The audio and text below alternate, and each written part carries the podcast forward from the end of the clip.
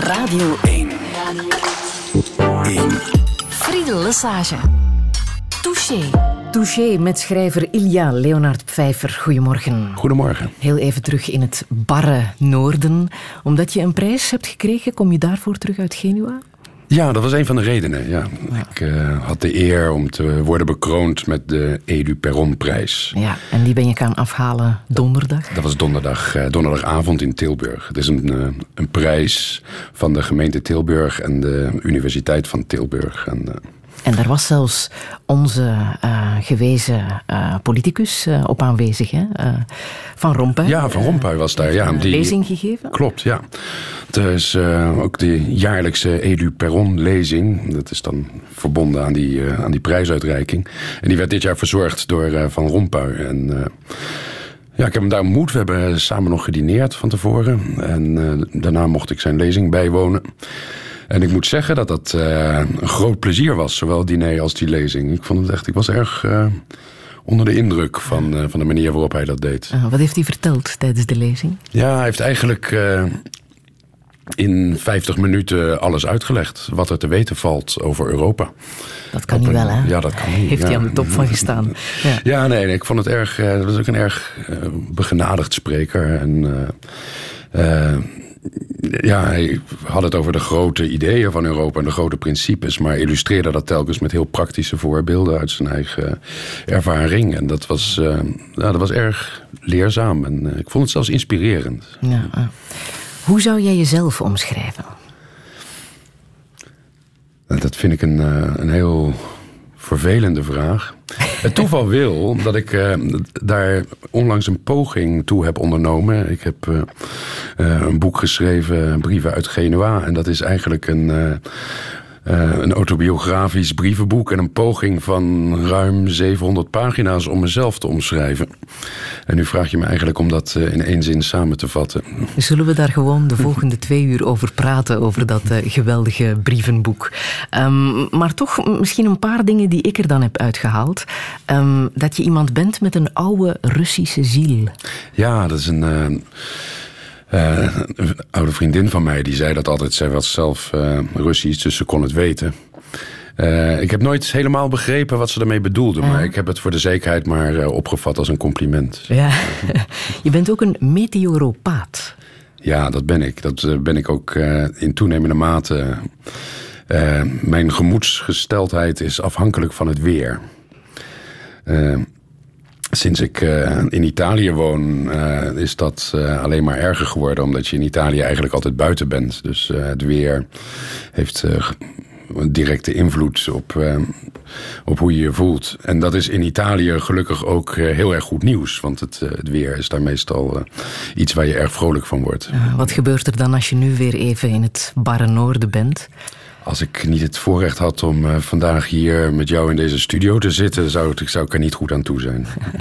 ik las ook dat je graag een kat-en-muis spelletje speelt met interviewers. Ja, dat is al begonnen, maar dat heb je nog niet door. Oké, okay, goed. Dan, uh, dan gaan we er gewoon aan beginnen. Hè? Ik ben op mijn hoede. Ilja Leonard Pfeiffer, welkom in Touché. Dankjewel. Radio 1. 1. Friedel Lesage. Touché.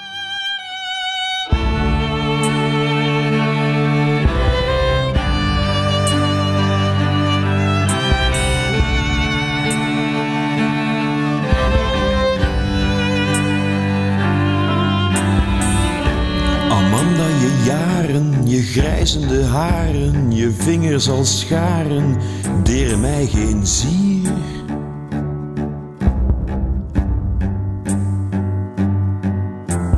Slechts in jouw armen kan men zich zo warmen, een hoorn in je darmen en geil als een stier.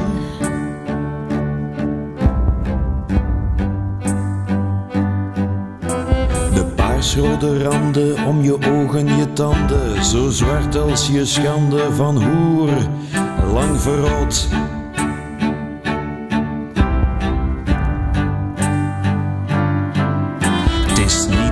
je prammen, je tepels als krammen, je dijen als hammen zijn het hoogste genot.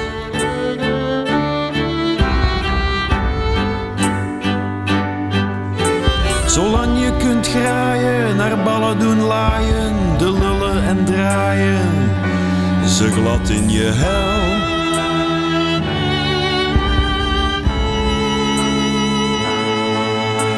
Zolang zal je blijven het wijf van de wijven, die wrijvende stijven, tot lapperouw ver.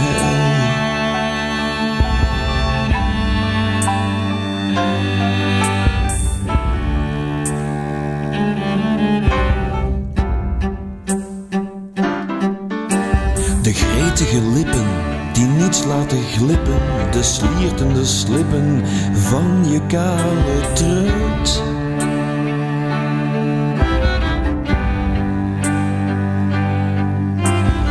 Hebben op alle wijzen de wortels, radijzen, komkommers, sausijzen geslikt en beschut.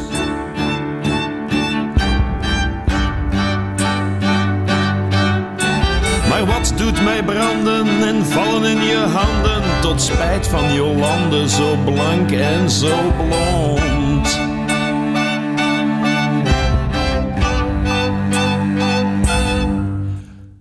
Zijn je twee billen die persen en drillen als mijn pijl mag trillen.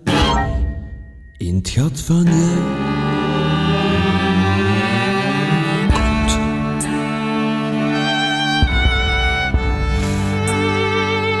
Marcel van Tilt en Ad Minotto met Amanda, ofwel een uh, gedicht liedje voor een oude hoer van Edgar Duperron.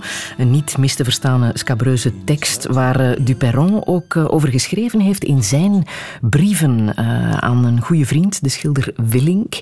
Wou ik toch laten horen, want zoveel verbindenissen met jouw leven, Ilja Leonard Maar buitengewoon toepasselijk. Ik ben onder de indruk van de muziekkeuze. Ja. ja. Um, hij kende uh, de geneugten van het briefschrijven, Edgar Duperron. En ja, zeker, die ken jij ook. Wat is er zo interessant aan het briefschrijven? We zijn het helemaal verleerd, maar toch heb jij het de voorbije vier jaar heel intens gedaan. Ja, wat ik, uh, wat ik prettig vind uh, van het genre van een brief is, uh, het lijkt voor de hand te liggen, maar het is toch eigenlijk wel een groot voordeel, is dat je je tot iemand richt.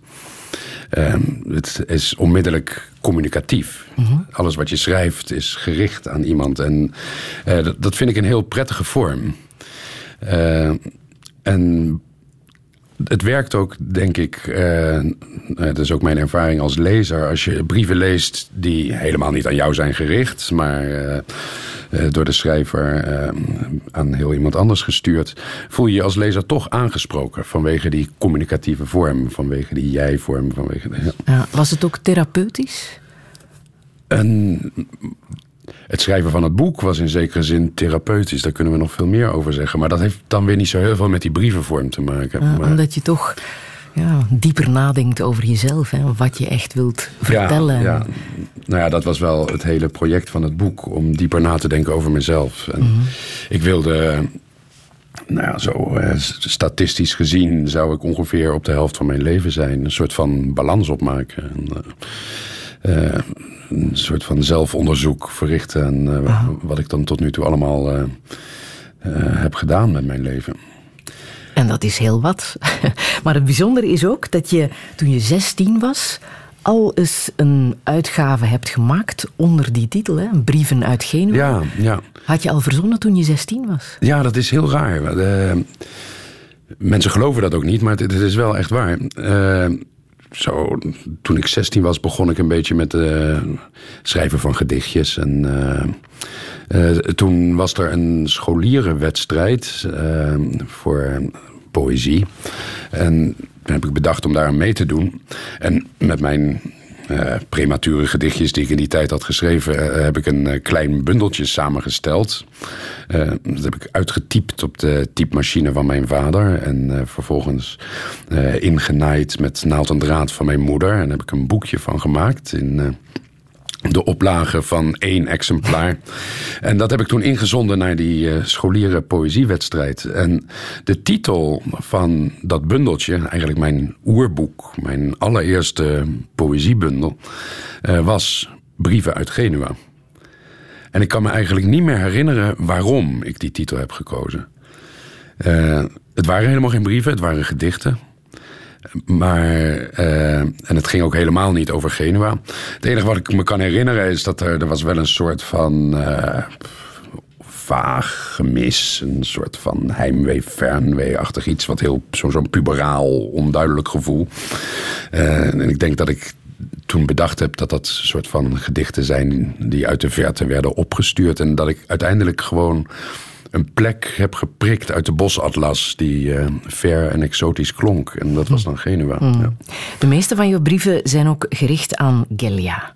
De vriendin waarmee je destijds met de fiets eh, richting Rome bent eh, gereden. Waarom kreeg zij zoveel brieven? Ja, dat had eigenlijk vooral praktische redenen. Ik, had eigenlijk, ik wilde die brieven sturen aan iemand uit mijn verleden, uh, die ook Genua goed kent, zodat je dan niet de hele tijd alles hoeft uit te leggen. En ik wilde eigenlijk ook uiteindelijk gaat het boek ook over een soort van breuk met mijn verleden. En ik wou eigenlijk iemand kiezen die symbool staat voor een bepaalde periode uit mijn leven. Die, die nu toch wel echt voorbij is. En daarom heb ik uh, haar gekozen. Ja.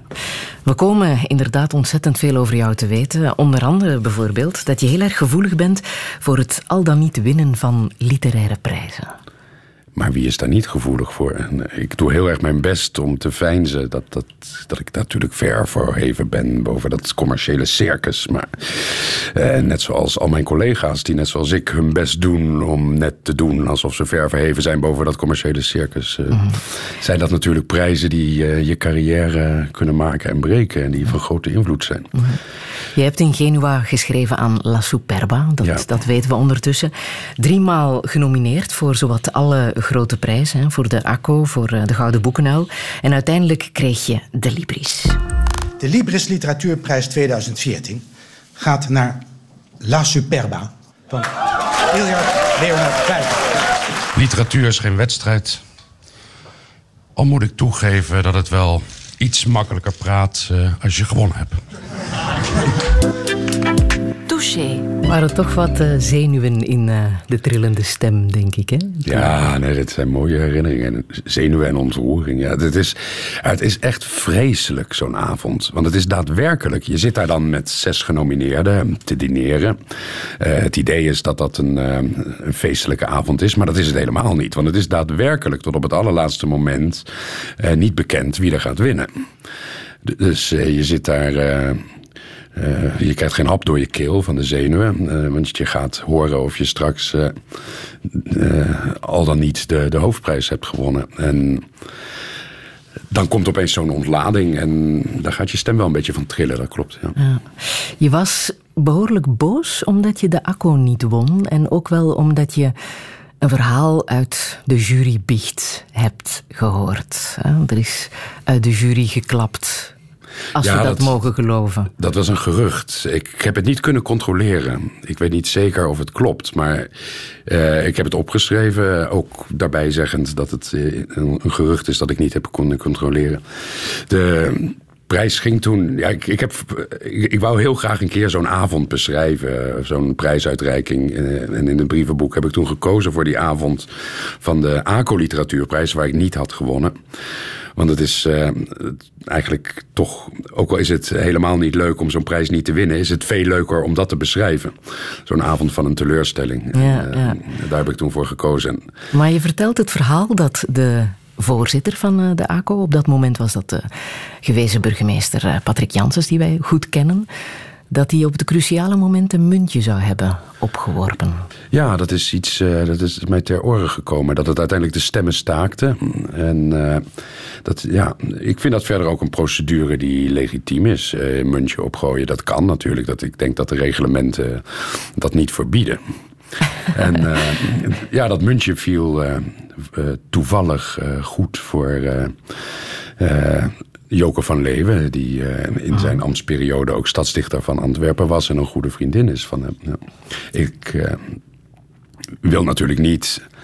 Uh, ik wil nogmaals benadrukken dat dit geruchten zijn. En, maar het staat nu in dit boek. Heeft iemand jou ondertussen gezegd: het is waar of het is niet waar? Ehm, ik heb intussen heb ik ook iemand uit de, de toenmalige jury ontmoet die eh, niet heeft gezegd dat het onwaar was. Zullen we het daarbij laten? Of verwacht je nog een soort van juridische procedure? Nou, de een juridische procedure zou zijn als uh, Patrick Janssens zou, uh, mij zou aanklagen en zeggen dat dat muntje niet toevallig op de andere kant viel. Wordt vervolgd. Ook de regels van het Hof heb je geschonden in dit boek. Je doet natuurlijk alsof dat je dingen mag vertellen en uh, dat niemand anders die brieven gaat lezen, tot ze natuurlijk worden gepubliceerd. Maar daarin vertel je het hele verhaal van hoe je werd ontvangen op het uh, Koninklijk Paleis uh, bij koning Willem-Alexander. Mag niet, hè? Mag je niet overschrijven. Dat is het, uh, het geheim van Noordeinde. Ik heb, uh, ja, ik heb de eer gehad om daar te zijn uitgenodigd uh, voor een lunch. door hun majesteiten, de koning en de koningin der Nederlanden. En ik heb inderdaad het geheim van Paleis Noordeinde geschonden. En ik heb verteld dat ik dat eigenlijk boven verwachting een geweldige bijeenkomst vond. En dat ik heel erg onder de indruk was van de koning. Meen je dat? Ja, ik meen dat. Ja. ja ik, ik had het geluk dat hij... Uh, hij zat naast mij. Uh, de helft van de lunch wisselen dan van plek op een gegeven moment. En ik... Uh, ja, ik ken hem verder alleen maar van tv. En daar maakt hij niet echt een, een bijzonder intelligente indruk. Maar live aan tafel was echt een, een buitengewoon intelligente, slimme man. En ik vond hem ook heel charmant en grappig en zo. Ik, dat had ik nooit gedacht. Dus ik hoop dat het Hof mij wil vergeven. dat ik uh, het, paleis, het geheim van het paleis heb geschonden om kenbaar te maken uh, dat die lunch heeft volstaan om mij uh, om te vormen tot een overtuigd monarchist. Ja, maar kon je voelen dat hij jouw boek had gelezen, La Superba? Want het was naar aanleiding van die Librisprijs hè, dat je werd uitgenodigd. Dat weet ik niet of hij dat had gelezen. Dat, uh, daar ging het verder ook niet over. Nou, wat ik ook wel sierlijk vond, is dat uh, ik moet eerlijkheidshalve erbij zeggen dat ik niet de enige genodigde was. Uh, nee. Er waren meer mensen die, uh, die op een bepaalde manier een prijs hadden gewonnen of een succes hadden geboekt met hun werk dan wel hun hobby. ik vroeg me af in welke categorie ik viel volgens het Hof. Maar, er zaten ook sportmensen en zo. Ja, ja, er zaten de visboer van het jaar zat er ook tussen. Ja. ja. Maar de koning had van al zijn gasten een onderwerp bestudeerd, uit zijn hoofd geleerd, uh, of zich daarin verdiept, dat niet te maken had met de reden waarvoor ze waren uitgenodigd. En dat vond ik eigenlijk heel chic. Mm -hmm. Dus dat ik daar was, omdat ik de Librisprijs voor mijn roman had gewonnen, dat werd eigenlijk bekend, verondersteld. Daar hoefden we het mm -hmm. verder niet over te hebben. En hij begon toen. Uh, over, mijn, uh, over de tijd dat ik nog aan de universiteit in Leiden werkte, waar hij zelf ook heeft gestudeerd. En, uh, zo deed hij dat eigenlijk met alle gasten. En ja. dat vond ik eigenlijk heel, heel slim en heel, heel uh, charmant ook. Mm. Ja. Het gaat ondertussen nog altijd heel erg goed hè, met La Superba. Je hebt net een tournee door Amerika gedaan, vanwege de Amerikaanse uitgave. Hoe is die ontvangen daar? Ja, dat is wel wat. Ja, er is nu dus een, een Amerikaanse editie bij Deep Vellum Press. Ja, en ik ben daar geweest uh, een paar weken geleden. Een tour uh, in Dallas, Houston, Washington en New York. Uh, dat allemaal in twaalf dagen. Wauw. Ja, ja, dat was wel wat. Dat was een groot avontuur. -hmm. En dan ging je voorlezen, interviews doen? ja, dat soort dingen. Ja. Signeren? En, ja. ja. Het is ook wel heel grappig. Want, ja, het is eigenlijk weer op een bepaalde manier opnieuw debuteren. Ik, niemand kent mij daar. En het is weer helemaal back to the drawing board. En, uh, ik sta hier weer in een zaaltje met tien man. Maar ik vond het echt geweldig. Ja. En uh, ik heb ook wel gemerkt... Literatuur in Amerika is wel echt uh, underground hoor. Dat is echt. Ja? Uh, en dan is dit ook nog eens een keer buitenlandse literatuur, vertaalde literatuur. Dat is helemaal een niche. Ik denk dat. Uh, dat het makkelijker is om harddrugs te vinden dan boeken in Amerika. dus het is, ja, maar dat heeft dan ook wel weer als keerzijde dat als je dan te gast bent in zo'n uh, zo'n boekwinkel in Houston, dat is dan natuurlijk ook de enige boekwinkel in Houston, ook al is het een stad van 12 miljoen dan zijn het ook wel echt helemaal toegewijde liefhebbers die uh, een geweldige boekwinkel tegen de klippen op in stand houden en ja. heel erg geïnteresseerd zijn. Maar het blijft natuurlijk ook wel een onderwerp dat de hele wereld interesseert, hè? die vluchtelingenproblematiek die erin verwerkt zit. Ja, dat is een van de belangrijkste thema's en dat speelt natuurlijk in de Verenigde Staten heel erg. Uh, het thema van migratie. Uh, is voor Amerika bij uitstek relevant. het is ongeveer de ontstaansgeschiedenis van het land is een geschiedenis van migratie. En ze hebben nu natuurlijk, uh, net zoals Europa, uh, te kampen met migratie aan de zuidgrens. En de Mexicanen, vooral in Texas, merkte je daar wel veel van.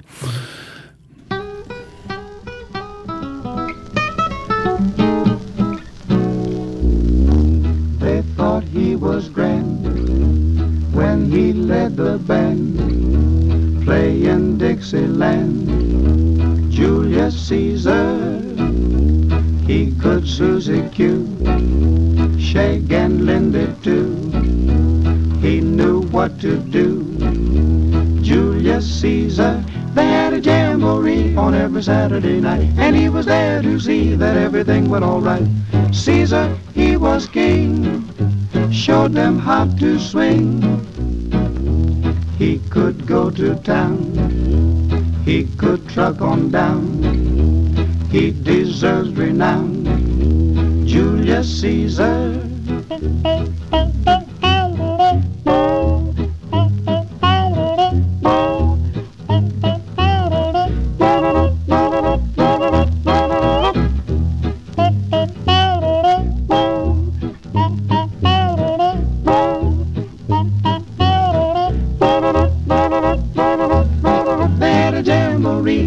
Saturday night, and he was there to see that everything went all right.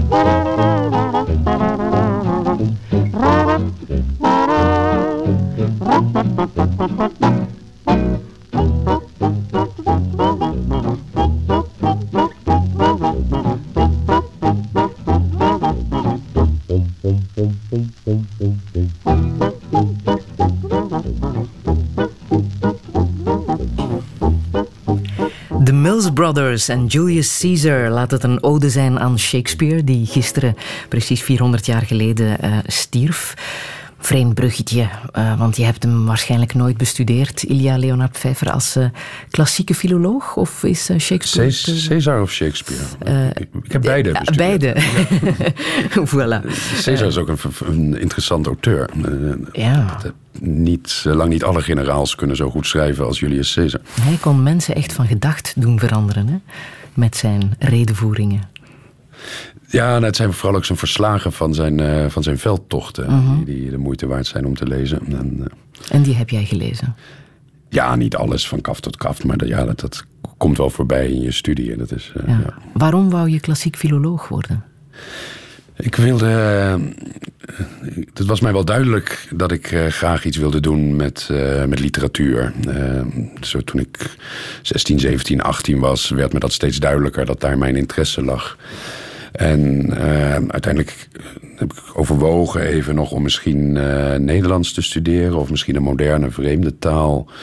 Maar ik heb toen eigenlijk bedacht dat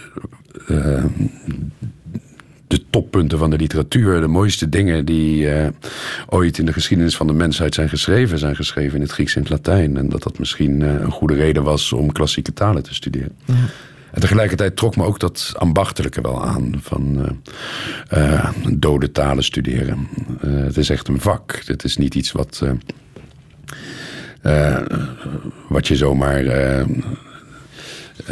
krijgt, in de schoot krijgt geworpen. Dat is iets waar je echt moeite voor moest doen. En dat vond ik aantrekkelijk. Mm. Is het ook dankzij je ouders dat je die richting bent uitgegaan? Ik, uh, mijn ouders hebben mij nooit echt heel erg uh, gestuurd. Althans, als ze mij hebben gestuurd, hebben ze dat zo slim gedaan dat ik dat zelf niet door had. mijn vader is Neerlandicus en eh, is ook een groot liefhebber van literatuur. Mijn moeder is ook eh, onderwijzeres. En, eh, Maar jouw vader heeft nog op latere leeftijd gestudeerd. Hè? Want Ja, ja. afstuderen heb jij nog meegemaakt als ja, hij heeft de, de lange route gedaan. Want Hij, wou altijd al eh, naar de HBS en naar de universiteit. Maar dat was in die tijd eh, geen geld voor zoals dat ging. Dus hij ging naar de, naar de MULO en naar de kweekschool. eh, om onderwijzer te worden. En heeft toen daarna in de avonduren... via allerlei deelcertificaten zijn studie Nederlands gedaan. En, is af, ik was nog bij zijn afstuderen. Ja, ja, Ja. moet toch wel indrukwekkend zijn, niet? Ja, dat was heel, heel indrukwekkend, ja. Ik heb het geprobeerd te reconstrueren. Volgens mij was ik ongeveer elf. En eh, ja, toen gingen we naar Leiden. En dan kreeg mijn vader zijn bul uitgereikt. En daar was ik toen bij. Ja. Ja. In eh, de brieven uit Genua las ik dat je ook erg gefascineerd was door eh, het verhaal van Faust. Die zijn ziel verkoopt aan de duivel om zijn diepste verlangens waar te maken. Had dat er ook mee te maken? Zo, dat soort verhalen, dat je daarin wou duiken? Ja, eh, Faust is een. eh, het is een, een van die oermythen, ook al. eh, eh, ook al is het pas in de middeleeuwen eigenlijk echt, echt opgeschreven. Maar ik vind het om, om vele redenen een erg fascinerend verhaal.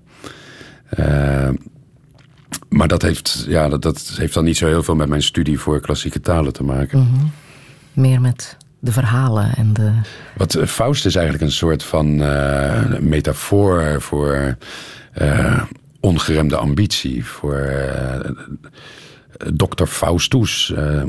de, in de middeleeuwen is hij een alchemist. In de versie van Thomas Mann is het een componist. Nou, je kunt het op allerlei manieren. Een wetenschapper of een kunstenaar die alles ervoor over heeft. En ook zelfs bereid is zijn eigen ziel te verkopen. Om de waarheid te ontdekken. Of de kunst zover te brengen als, eh, eh, als hij zou willen. Eh, dat is een fascinerend thema. Die ongebreidelde ambitie had je zelf ook, hè, toen je aan het doctoreren was. Geen onderwerp was moeilijk genoeg. Ja, ik wilde dan wel, toen ik nog eh, voluit overtuigd was dat ik een eh, academische carrière tegemoet ging, wilde ik het wel zo moeilijk mogelijk voor mezelf maken. Ja, ik was wel heel erg ambitieus. Dat, heb je gedaan met Pindarus, die heb je Ja. bestudeerd. Waarom precies eh, deze man? Nou, er was. eh, er bestaat zo'n leuk boekje. Bluff Your Way in the Classics. Van Lecky is dat, als ik me goed herinner. Er staat een klein itempje in eh, over Pinderus. En ik weet het niet meer helemaal uit mijn hoofd, maar er staat zoiets als. eh, eh, totaal onbegrijpelijk en helemaal onvertaalbaar is hij helaas de grootste van de Griekse lyrici. Toen dacht ik, nou, die moet ik hebben. Dat is mijn man. Want ja, als die eh, totaal onbegrijpelijk is, dan is er nog wat aan te verhapstukken. Dan zal ik wel eens eventjes eindelijk 3000 jaar na dato uitleggen waar dat over gaat. En ik was natuurlijk ook wel zo ambitieus dat ik niet met een soort van tweede rangs dichtertje me bezig wilde houden. Nee, de grootste van de Griekse lyrici. Dat eh, leek mij iemand die mijn aandacht waardig was. En eh, zo is het gegaan. Ja. En ik heb dat nooit betreurd, want het is echt zo. Het is een geweldige dichter. Het is eigenlijk eh, een, een experimenteel soort Grieks. Eh, je moet natuurlijk heel goed Grieks kennen om, om dat te zien. Maar ik denk als je, als je Pinderus echt goed zou vertalen, dan zou het iets worden zoals eh, poëzie van Lucebert. En eh, ja, het is heel spannend. Ik heb er ook eh, niet alleen als klassicus veel van geleerd, maar ook als dichter. Ja. hm. Wat voor student was jij? Ik was eigenlijk eh, vooral aanvankelijk eh, heel erg braaf. Ik studeerde wel. Ja, ik deed, ik deed mijn best. Maar ook een beetje last van kleptomanie. Oh ja, ja, nee, dat, Het hoort erbij. ik weet niet of dat erbij hoort. Nee, dat, dat, dat, ja, dat begon allemaal een beetje uit geldgebrek. Ja, je hebt toch op een gegeven moment dingen nodig. Dus dan zoek je alternatieve manieren om, eh, om je dat toe te eigenen. Maar op een gegeven moment werd het, werd het echt een sport. Ja? ja. Hoe ver ging dat? Eh, nou, het ging de, op een gegeven moment was ik wel zover dat ik dingen ging stelen Eh, niet omdat ik ze nodig had of omdat ik ze wilde hebben, maar omdat ze moeilijk waren om te stelen. En zo ben je ook eens betrapt, hè? En toen ben ik één keer betrapt, ja. ja. En dat Een was heel domme diefstal. een hele, ja, dat was echt helemaal niks. Ik had gewoon een. eh, bij, de, bij boekwinkel De Slechte in Leiden, op de Breestraat. Ik ging weer eens even kijken of er een nieuwe oogst was of er wat was. Er was niks interessants. Er was alleen één klein boekje. Het kostte 10 gulden. Eh, Een tekstuitgave van de Characteres van Theophrastus. Dat heb ik toen even achterloos in mijn binnenzak gestoken. En toen ik naar buiten liep, werd ik eh, aangehouden door de opgewonden filiaalchef die eh, een dief had betrapt. Maar ik, dat, ja, nee, dat telt niet. Dit was een, nee, ik had echt. Dit is zoiets als Dark Vader een bon geven voor fout parkeren of zo. Ja, nee, maar toch, ben- het, het is ernstig genomen, hè? Ik ben toen in de cel beland, ja. ja. Hoe lang heb je daar gezeten? Eh, nou, ik werd na verhoor weer vrijgelaten omdat het. Eh, een diefstal tot 10 gulden werd niet serieus genomen. En toen heb je het nog eens gestolen. Toen was natuurlijk dat was de ultieme diefstal, want hij had het als bewijsstuk, de filiaalhouder, in zijn kantoor op zijn bureau gelegd. En, en toen moest ik dat nog. Dat was dan mijn laatste diefstal. En Mijn- dat heb je echt nog eens, nog eens gestolen. ja. Heb je dat nog? Nee, inmiddels heb ik het niet meer, want mijn klassieke boek heb ik niet meer. Maar eh, nee, ik heb het lang gehad. Ja.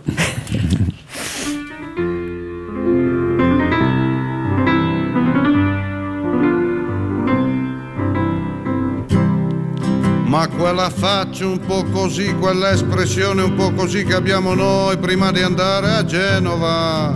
E ogni volta ci chiediamo se quel posto dove andiamo non ci inghiotta e non torniamo più.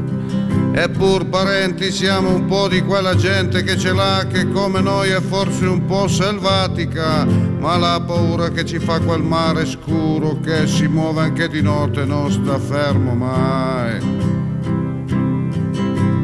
Genova per noi che stiamo in fondo alla campagna e abbiamo il sole in piazza rare volte il resto è pioggia che ci bagna.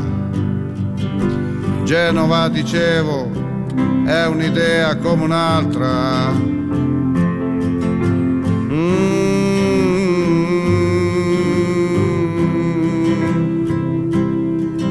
Quella faccia un po' così, quell'espressione un po' così che abbiamo noi mentre guardiamo Genova. Come ogni volta l'annusiamo circospetti, ci muoviamo un po' randaggi, ci sentiamo noi. Macaia, scimmia di luce di follia, Oschia, pesci, Africa, sonno, nausea, fantasia. E intanto, nell'ombra dei loro armadi, tengono lini e vecchie lavande. Lasciaci tornare ai nostri temporali. Genova, ai giorni tutti uguali. In un'immobile campagna con la pioggia che ci bagna i gamberoni rossi sono un sogno e il sole è un lampo giallo al parabrise. Ma quella faccia un po' così, quell'espressione un po' così che abbiamo noi, che abbiamo visto Genova.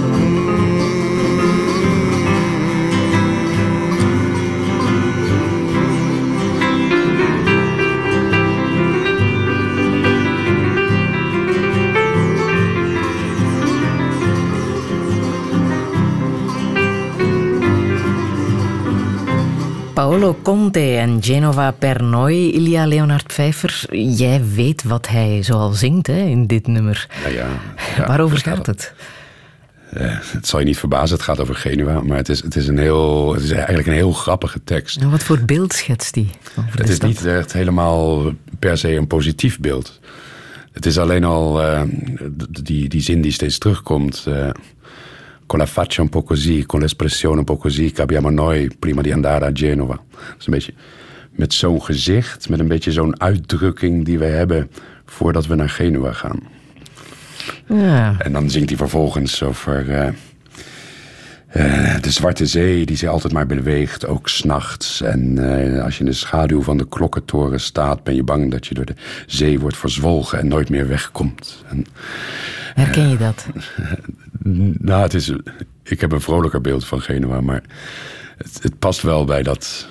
Op, op sommige donkere herfstdagen is Genua precies zoals Paulo Conte zingt. Voor jouw Genua-verhaal moeten we terug naar 1 juni 2008, geen dag later. Toen ben je vertrokken, hè? Op die bewuste dag. Klopt. Ja. Hoe goed was je voorbereid? Eh, totaal niet. Nee, het idee, eh, het idee was al belachelijk. Dus laat staan dat ik me had voorbereid op de uitvoering ervan. Het idee was met de fiets naar Rome aanvankelijk, hè? ja. En daar Ja, was je echt niet op voorbereid. Nee, het was zo. eh, ik, ik sprak toen toevallig goede vrienden van mij. eh, en die hadden een fietsvakantie in Italië gedaan. En die hadden daarover verteld. En ik vond dat eigenlijk wel een heel leuk idee om eh, in, in Italië te fietsen. Maar ik vond eigenlijk dat zij vals hadden gespeeld. Want zij hadden gewoon hun fiets op het vliegtuig gezet en daar een rondje gefietst en daarna weer teruggevlogen naar Nederland. En eh, ik dacht, als ik nou in Italië wil fietsen, dan wil ik ook hier, vanuit dit café waar we nu zijn, Café de Burgt in Leiden, vertrekken. En dan naar Rome fietsen. Eh, dat zei ik toen tegen Gelja, de vriendin. En die zei: Oké, dan vertrekken we 1 juni. Vervolgens heb ik dat eh, wekenlang geprobeerd uit haar hoofd te praten. Want het was natuurlijk, ja, nee, het was in het café, ik was dronken, dat moet je niet serieus nemen. Nee. Maar zij bleef erbij, we vertrekken 1 juni. Toen zei ik, ja, maar weet je wel hoe ver Rome is? Nee, 1 juni. En ik had niet eens een fiets. En toen ben ik eh, nog een vijfde, zesde, zevende hands racefiets, koersfiets eh, gaan aanschaffen bij de Turkse fietsenmaker op de Kaasmarkt. Ik heb ter plekke een beetje laten opkalefateren. Ik heb een eh, proefritje gemaakt op de parkeerplaats en dat, dat ging. En eh, toen met die fiets en een rugzakje met een paar schone onderbroeken ben ik op 1 juni vanuit Leiden vertrokken op weg naar Rome. Ja, voor 41 dagen. Het was 41 dagen, eh 2600 kilometer. Want eh, we hebben een, eh, een, een lange omweg genomen. Gelja was in die tijd nog Russisch. En eh, ze had wel een verblijfsvergunning voor de Europese Unie, maar ze, ze kon niet door Zwitserland. Of althans, dat liet ik haar maar al te graag geloven, want ik wou helemaal niet over die Alpen natuurlijk. dus we zijn met een grote boog over de Alpen, om de Alpen heen gegaan. Het was eigenlijk eh, zo bij Tilburg, bij Goorle de grens over. Dan kom je bij, eh, bij Turnhout en dan eh, recht naar beneden naar Marseille. Dan linksaf langs de zee en dan kom je in Rome. Dat was de route. Ja. Ehm, je, spreekt er, je spreekt er met heel veel heimwee over, hè? over die, die reis. Eh, heeft toch iets nagelaten? Ja, natuurlijk. Nee, dat, dat, was een, een grote belevenis. Eh, ik spreek er met heimwee over als, als iets bijzonders wat ik heb meegemaakt. En niet bepaald als iets wat ik nog een keer zou willen doen. Maar ik ben echt dankbaar dat ik dat één keer heb gedaan. Ja. En 41 dagen van je leven niks anders doen dan elke dag een klein stukje naar het zuiden fietsen. En het maakt ook niet uit of dat 20 kilometer is of 220 kilometer. En eh, je hoeft ook eigenlijk nergens anders aan te denken dan het volgen van eh, de omstandigheden. Eh, en als je moe bent, ga je slapen. Als je honger hebt, ga je eten. En verder hoef je niks anders te doen dan elke dag een klein stukje naar het zuiden te fietsen. Het was, eh, het was bijna een, eh, eh, een, een vorm van meditatie. Ehm, het was vooral Gelja die vanuit Rome terug naar Genua wou en waar jullie dan ook zijn gebleven. Ehm, eerst voor even en uiteindelijk voor langer. Wat eh, hield jou daar in Genua? Waarom wou je daar echt blijven?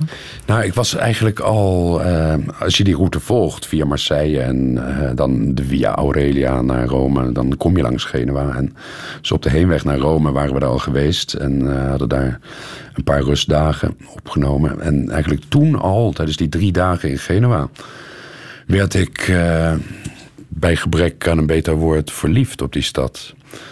En zo erg dat het eventjes uh, overwoog om daar dan maar even een tijdje te blijven en niet verder te fietsen naar Rome. Mm Ja, dat kon natuurlijk niet, want ik had al aan te veel mensen verteld dat ik op weg was naar Rome en het zou als een nederlaag worden ervaren. Maar toen we uiteindelijk Rome hadden bereikt, uh, uh, zijn we teruggegaan naar Genua. En ik had toen bedacht dat het misschien wel goed voor mij zou zijn om even een tijdje daar te blijven. Ik ben toen een uh, appartementje gaan zoeken. En uh, ik heb toen in eerste instantie een appartementje gehuurd voor twee maanden. Ik dacht uh, dat, dat, dat wel nuttig voor mij zou zijn om twee maanden in Genua te blijven. Dat heb ik toen nog eens een keer verlengd. En toen nog eens een keer verlengd. En inmiddels dat tijdje is nu acht jaar. Ja, ja. Je schrijft dat de stad je het vermogen terug heeft gegeven om je opnieuw te verwonderen. Was je dat kwijt? Ja, dat is denk ik wel de belangrijkste, ehm, het belangrijkste wat Genua mij heeft gegeven. Er is niet echt iets geweest dat mij heeft weggejaagd uh, uit Nederland. Uh, ik woonde altijd in Leiden en ik heb daar uh, altijd met veel genoegen gewoond. En mijn leven in Leiden was eigenlijk heel makkelijk en aangenaam. En alleen toen ik een tijdje in Genua was, toen drong het langzamerhand op me door dat mijn leven, vooral de laatste jaren in Leiden, misschien eigenlijk wel een beetje te makkelijk was geweest. Mhm. En ik hoefde eigenlijk nauwelijks nog wakker te worden. Ik kon de dagen ook uh, slapend, uh, moeiteloos doorbrengen. Uh, maar Genua is ook ogen dicht en, ja. mateloos meer interessant, of meer interessant dan, dan Londen, waar je hebt gestudeerd. Waarom is Londen geen stad voor jou?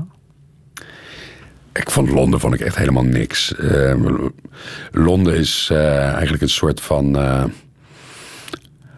aan elkaar gegroeid conglomeraat van verschillende wijken die allemaal stuk voor stuk verkeerd zijn aangelegd. En ze zijn eigenlijk bij het aanleggen van die stad vergeten omdat er ook voetgangers zijn. Dus je kan met de auto kun je, met de taxi en weet ik wat allemaal. En met de metro natuurlijk. Maar verder als je daar gaat lopen, zijn de afstanden te groot. Het klopt niet. Het, het heeft geen menselijke maat. Uh, het is geen stad waar je toevallig op straat mensen tegenkomt, omdat iedereen die buiten is uh, haastig op weg is ergens daar naartoe. Mhm. Is het ook Genua geworden omdat die stad heel erg lijkt op um, ja, de stad die je als kind had verzonnen uh, in jouw land, Mokanje, waar je zo wat van alles van dat hele land hebt verzonnen. Hè? De vlag, de, de taal. Uh...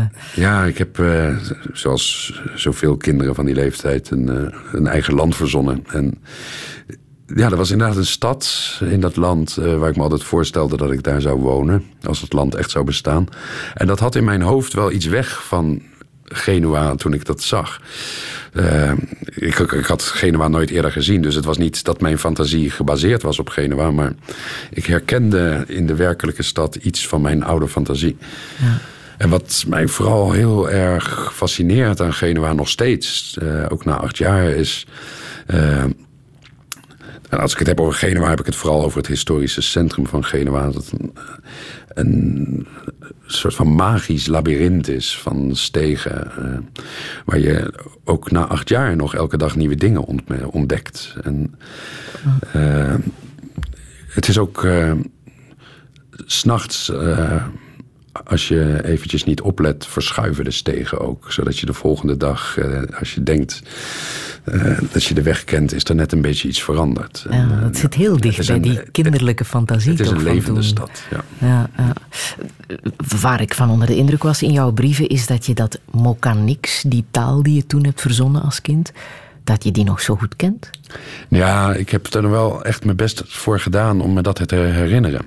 Maar ik heb inderdaad, ik, toen ik een land had verzonnen, toen dacht ik op een gegeven moment, nadat ik uh, de landkaart had getekend en de hoofdstad had bedacht en de belangrijke rivieren en bergen en de voetbalshirtjes van de clubs die elkaar bestreden in de nationale competitie en alles wat een land verder nog nodig had, bedacht ik dat het eh, land ook een taal moest hebben. Mm.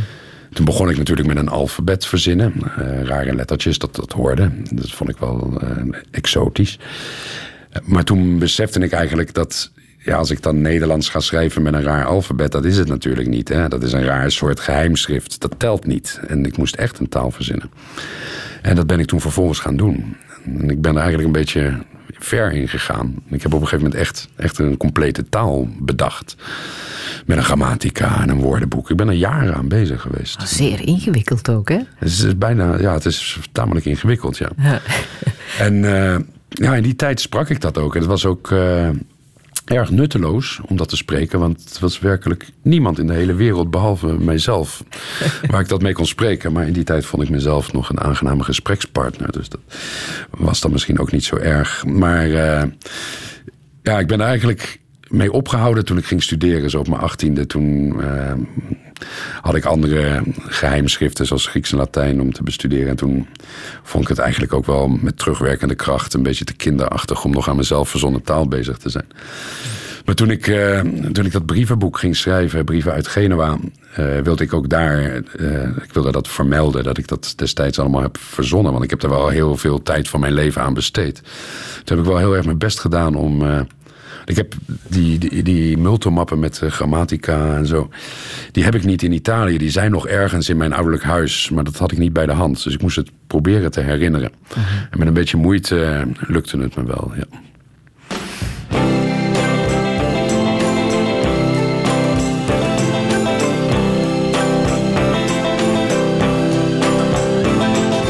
Once upon a time, you dressed so fine, threw the bumps of dime in your prime. You, people call, say beware, doll, you're bound to fall. You thought they were all kidding. You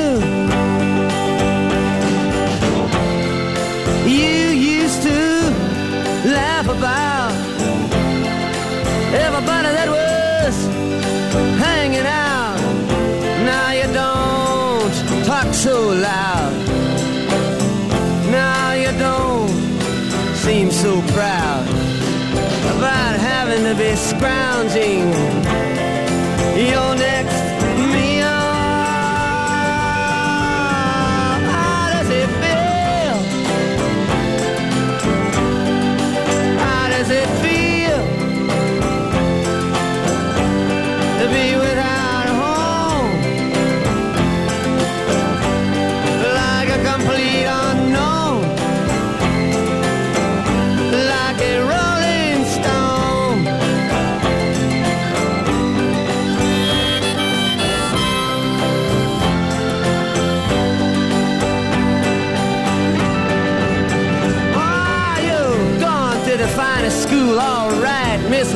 you know you only used to get juiced in it.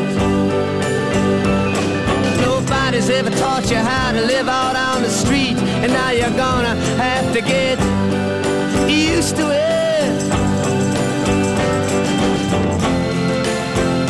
You say you never compromise with a mystery tramp, but now you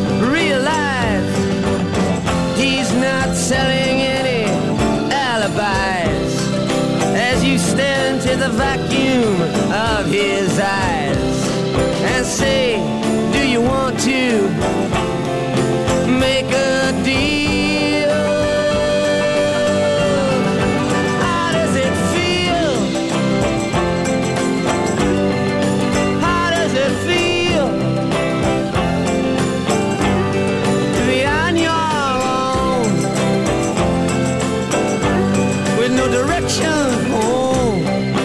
Dylan, How Does It Feel to Be On Your Own With No Direction Home? Ilja Leonard Pfeiffer.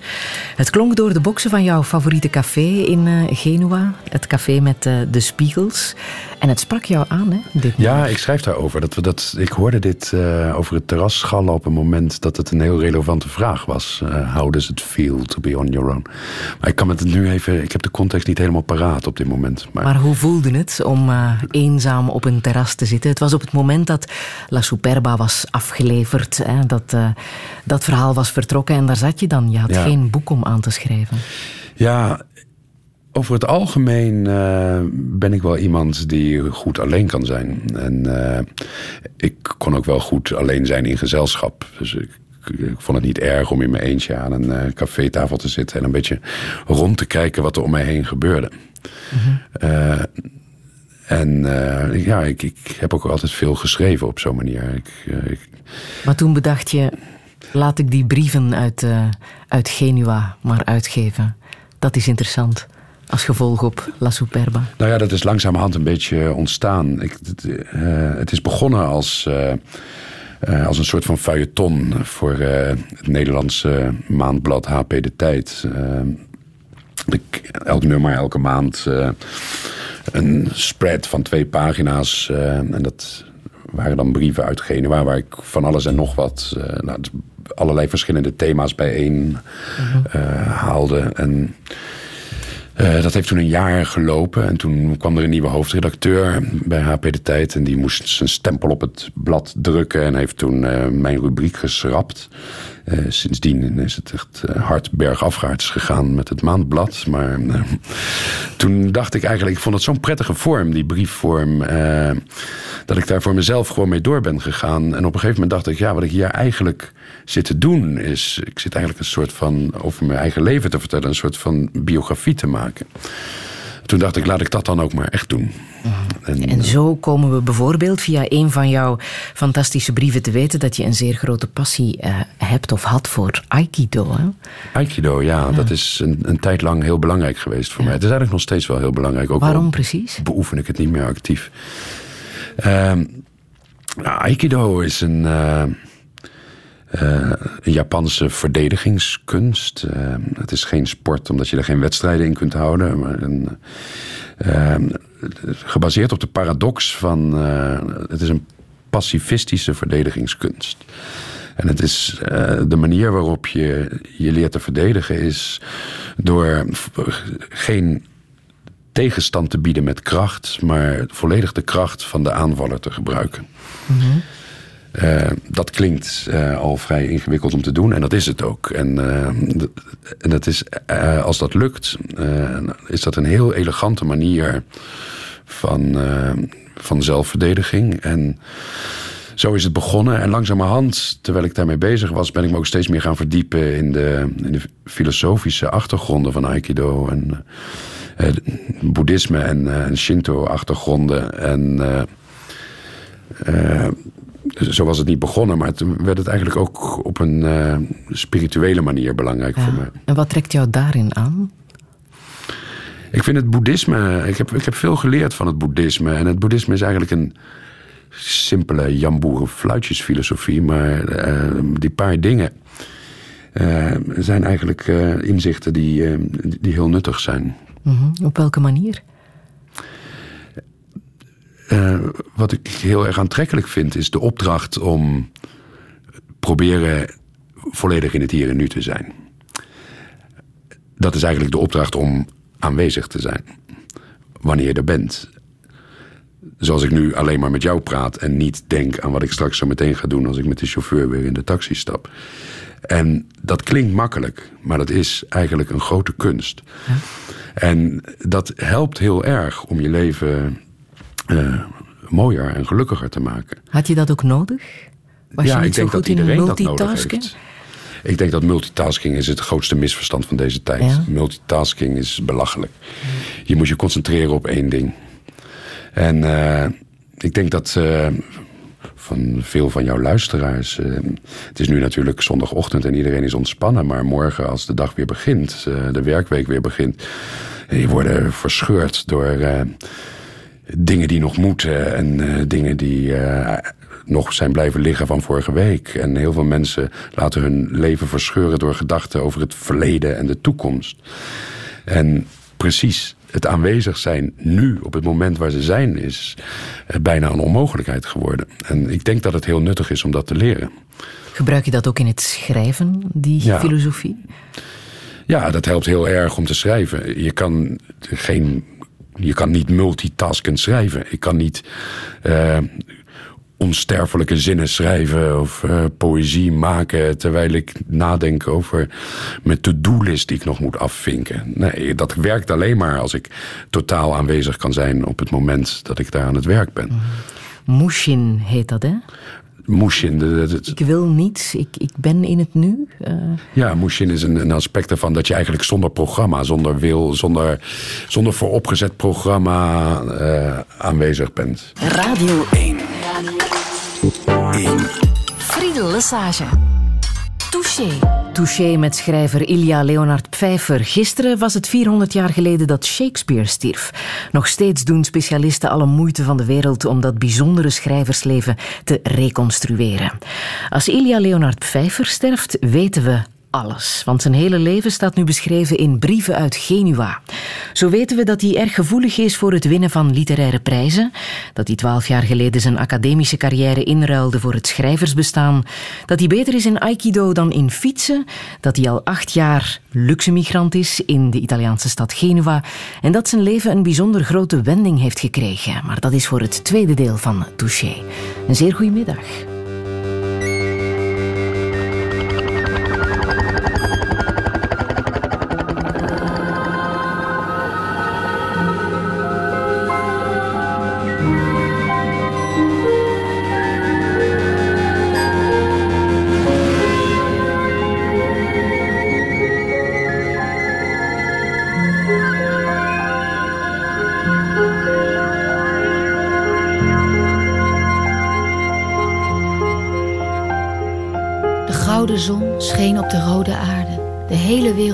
Jij had pech. Dat Afrika je zwarte lichaam baarde. Je werd als muis geboren, jij moest weg. De rode aarde is van bloed doordrenkt. Het goud zal in verkeerde tanden staan. Er was een sprookje van een land dat wenkt. Met vrijheid en met kansen. Jij moest gaan. De brute zon verschroeide de woestijn. Je geld werd ingenomen door een snor.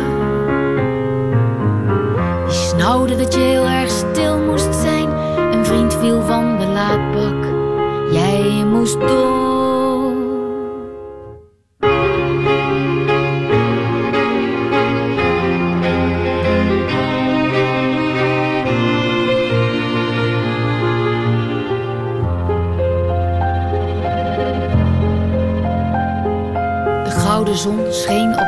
Bloed dat lekte onder de container door. Dat jij nog ademde, dat was al goed. Je had geen vrienden meer, maar jij moest door. De zon scheen op insignes van milities. Bezopen ogen waren rood doorlopen. Je klampte aan je dromen en ambities. Je mocht nu niet verliezen. Jij moest hopen.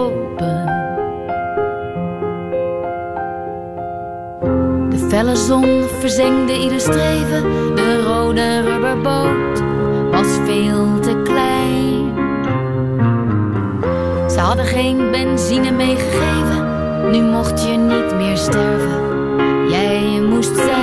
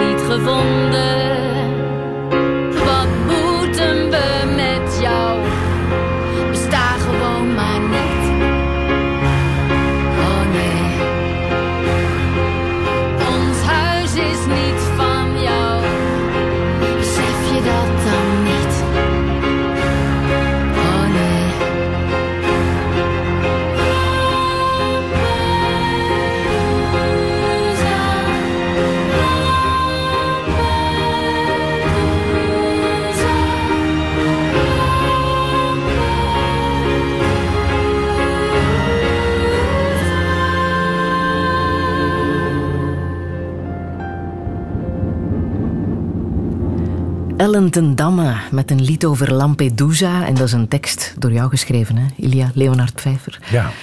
Een zangeres die je goed kent, want je schrijft wel vaker voor haar. Ellen ten Damme. Ja, dat is nu al een, eh, een aantal jaren dat we samenwerken. Dat is eigenlijk sinds, eh, sinds de eerste CD, Durf Jij. Eh, dat was volgens mij 2006 of 2007. Eh, Schrijf ik teksten voor haar. En En dus ook over Lampedusa. ja, dit is van, eh, van de laatste CD. Ja. Wat raakt jou op dit moment het meest in die hele vluchtelingenproblematiek? Het is. eh, je kan beter vragen wat, wat je niet raakt. Ik, er zijn eh, eh, mensen die eh, huis en haard zijn ontvlucht. eh, in de meest gruwelijke omstandigheden proberen een veilig heenkomen te vinden. En die kloppen op onze deur voor hulp. En onze reactie is om grote hekken voor ons deur neer te zetten. Dat raakt mij. Eh, wat mij ook heel erg raakt is hoe de hele discussie over migratie op een heel foutieve manier verweven wordt met een andere discussie, de discussie over terrorisme.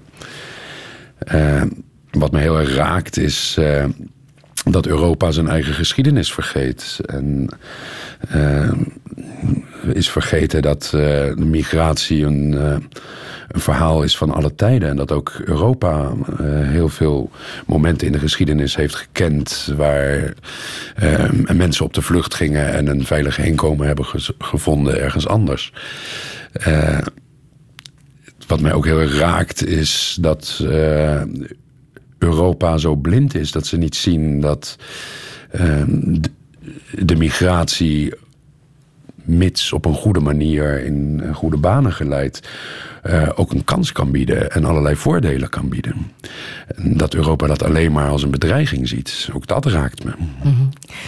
Nu is er, ehm, het zat zo net in het nieuws, een eh, Nederlandse columniste opgepakt. Een Nederlandse columniste met Turkse roots. Omdat ze via Twitter dingen heeft gezegd over Erdogan die daar niet door de beugel kunnen. Wat vind je daarvan? Zij is niet de eerste, hè?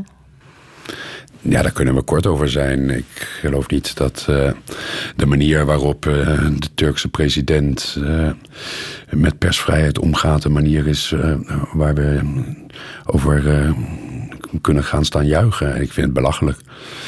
Maar dat is ook verder helemaal niet, niet zo stoer om te zeggen, want dat vindt iedereen toch? Ja, dat, dat is gebeurt belachelijk. wel. Ja.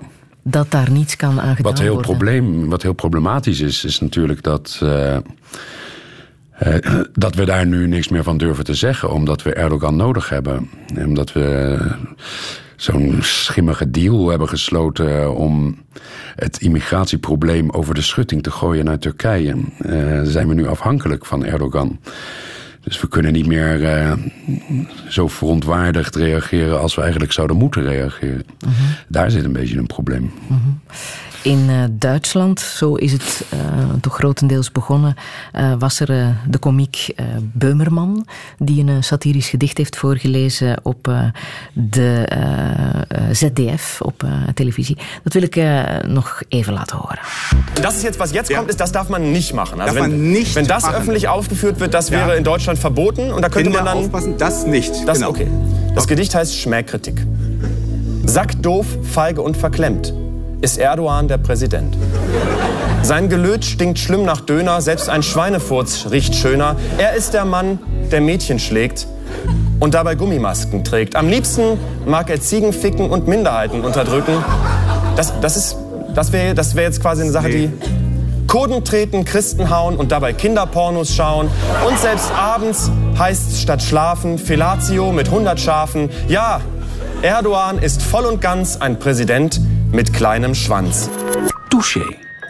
De komiek Beumerman, ehm, ja, hij eh, overtrad die oude Duitse wet dat je geen eh, bevriend staatshoofd mag eh, schofferen. Merkel heeft ingestemd eh, met zijn vervolging.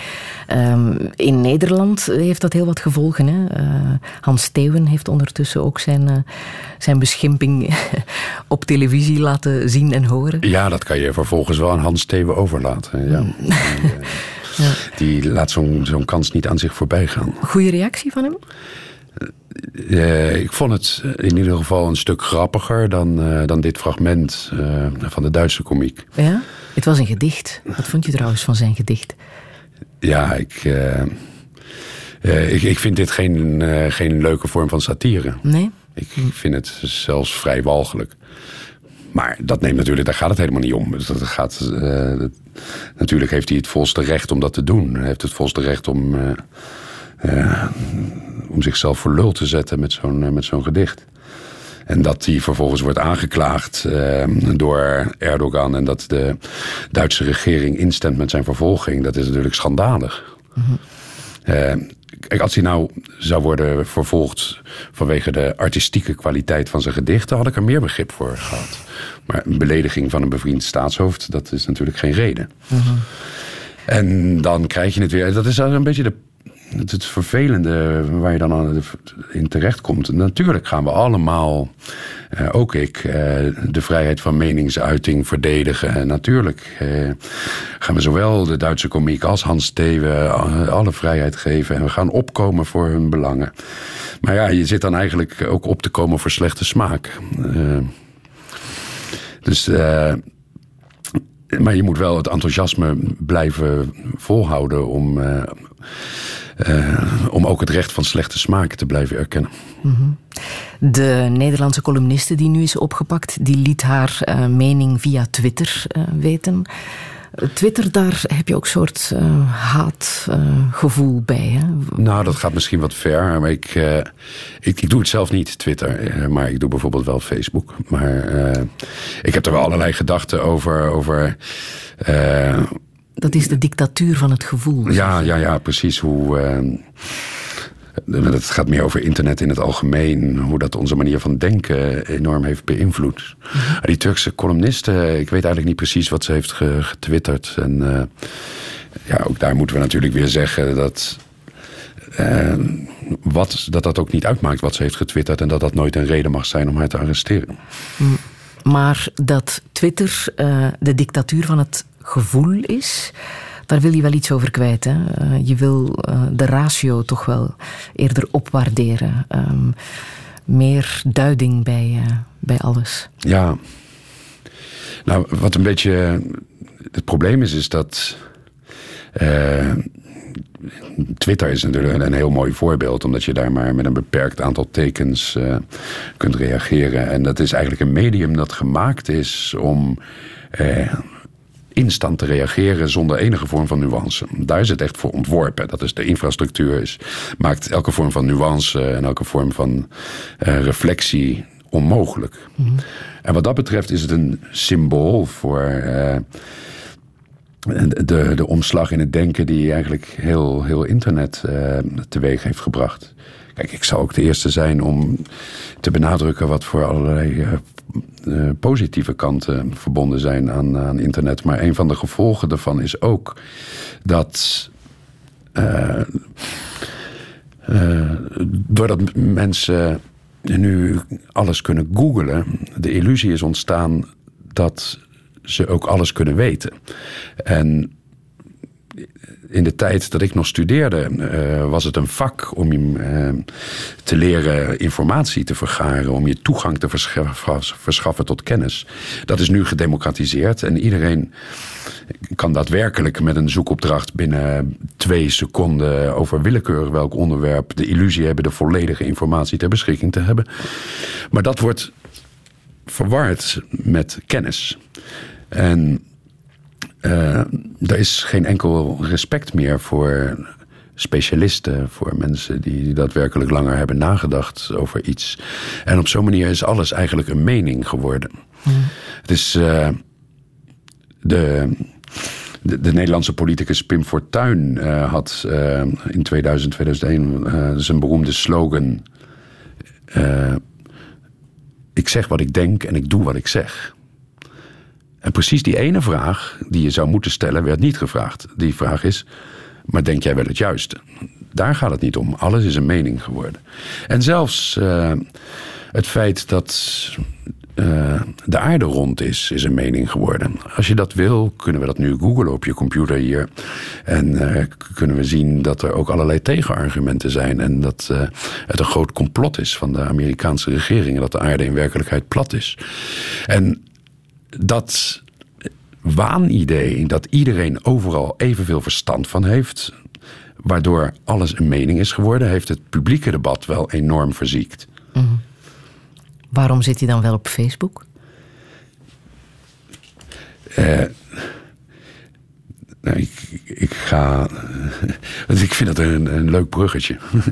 Had ik even niet, niet, verwachten dat, dat, dat je dan dat aan mij gaat terugkaatsen. Maar ik zit op Facebook om, eh, om leuke foto's te delen en dingen te delen die ik aan het doen ben. Ik ga daar niet eh, in one-liners eh, reageren op uitspraken van politici.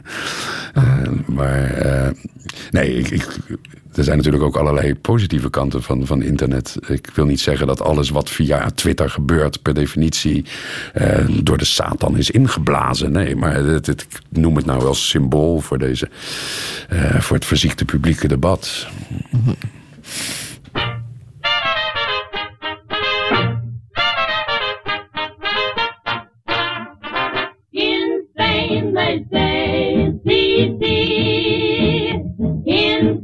you hear, wee, wee. Every little Dutch girl says, yeah, yeah. Every little Russian says, da, da. But sweetheart,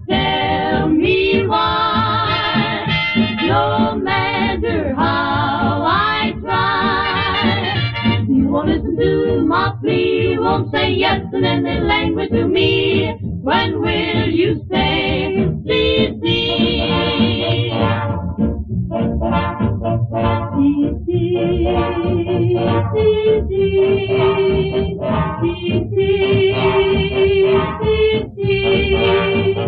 Every little Dutch girl says. Every little Russian says,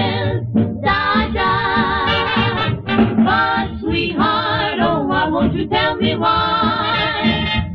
No matter how much I try, please tell me why. La la la la la won't you listen to my plea? Won't say yes in any language to me. Oh, oh, when will you say titty?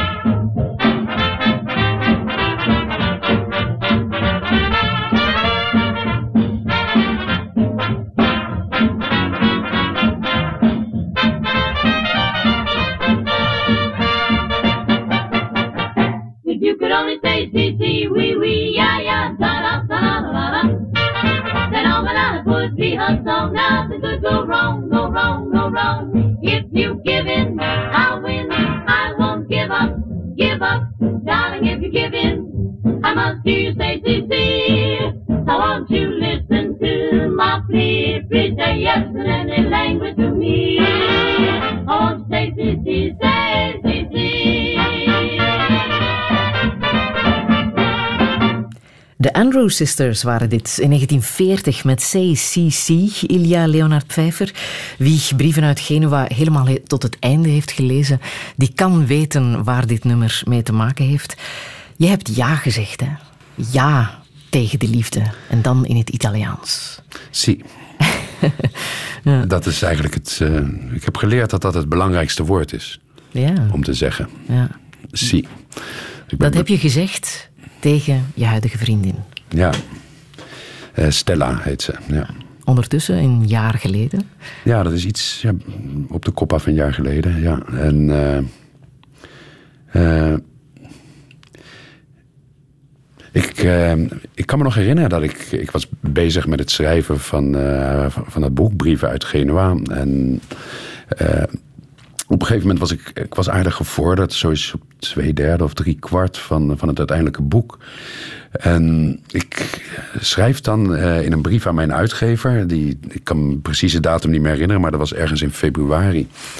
Eh, dat ik hem schrijf dat het boek goed vordert, maar dat ik een probleem heb omdat ik vanuit mijn literaire instinct, met mijn literaire timmermans oog, het idee heb dat daar, wat er nog ontbreekt aan het boek is een omslagpunt. Een spectaculaire wending.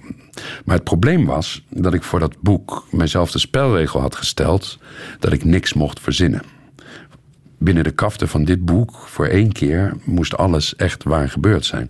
Dus de consequentie was dat ik die, eh, eh, die spectaculaire wending in het werkelijke leven moest meemaken. En ik, eh, ik kan me nog herinneren dat ik hem heb geschreven. Nou, die brief is ook opgenomen. Nou, dat ik benieuwd ben of, dat daadwerkelijk zal gebeuren.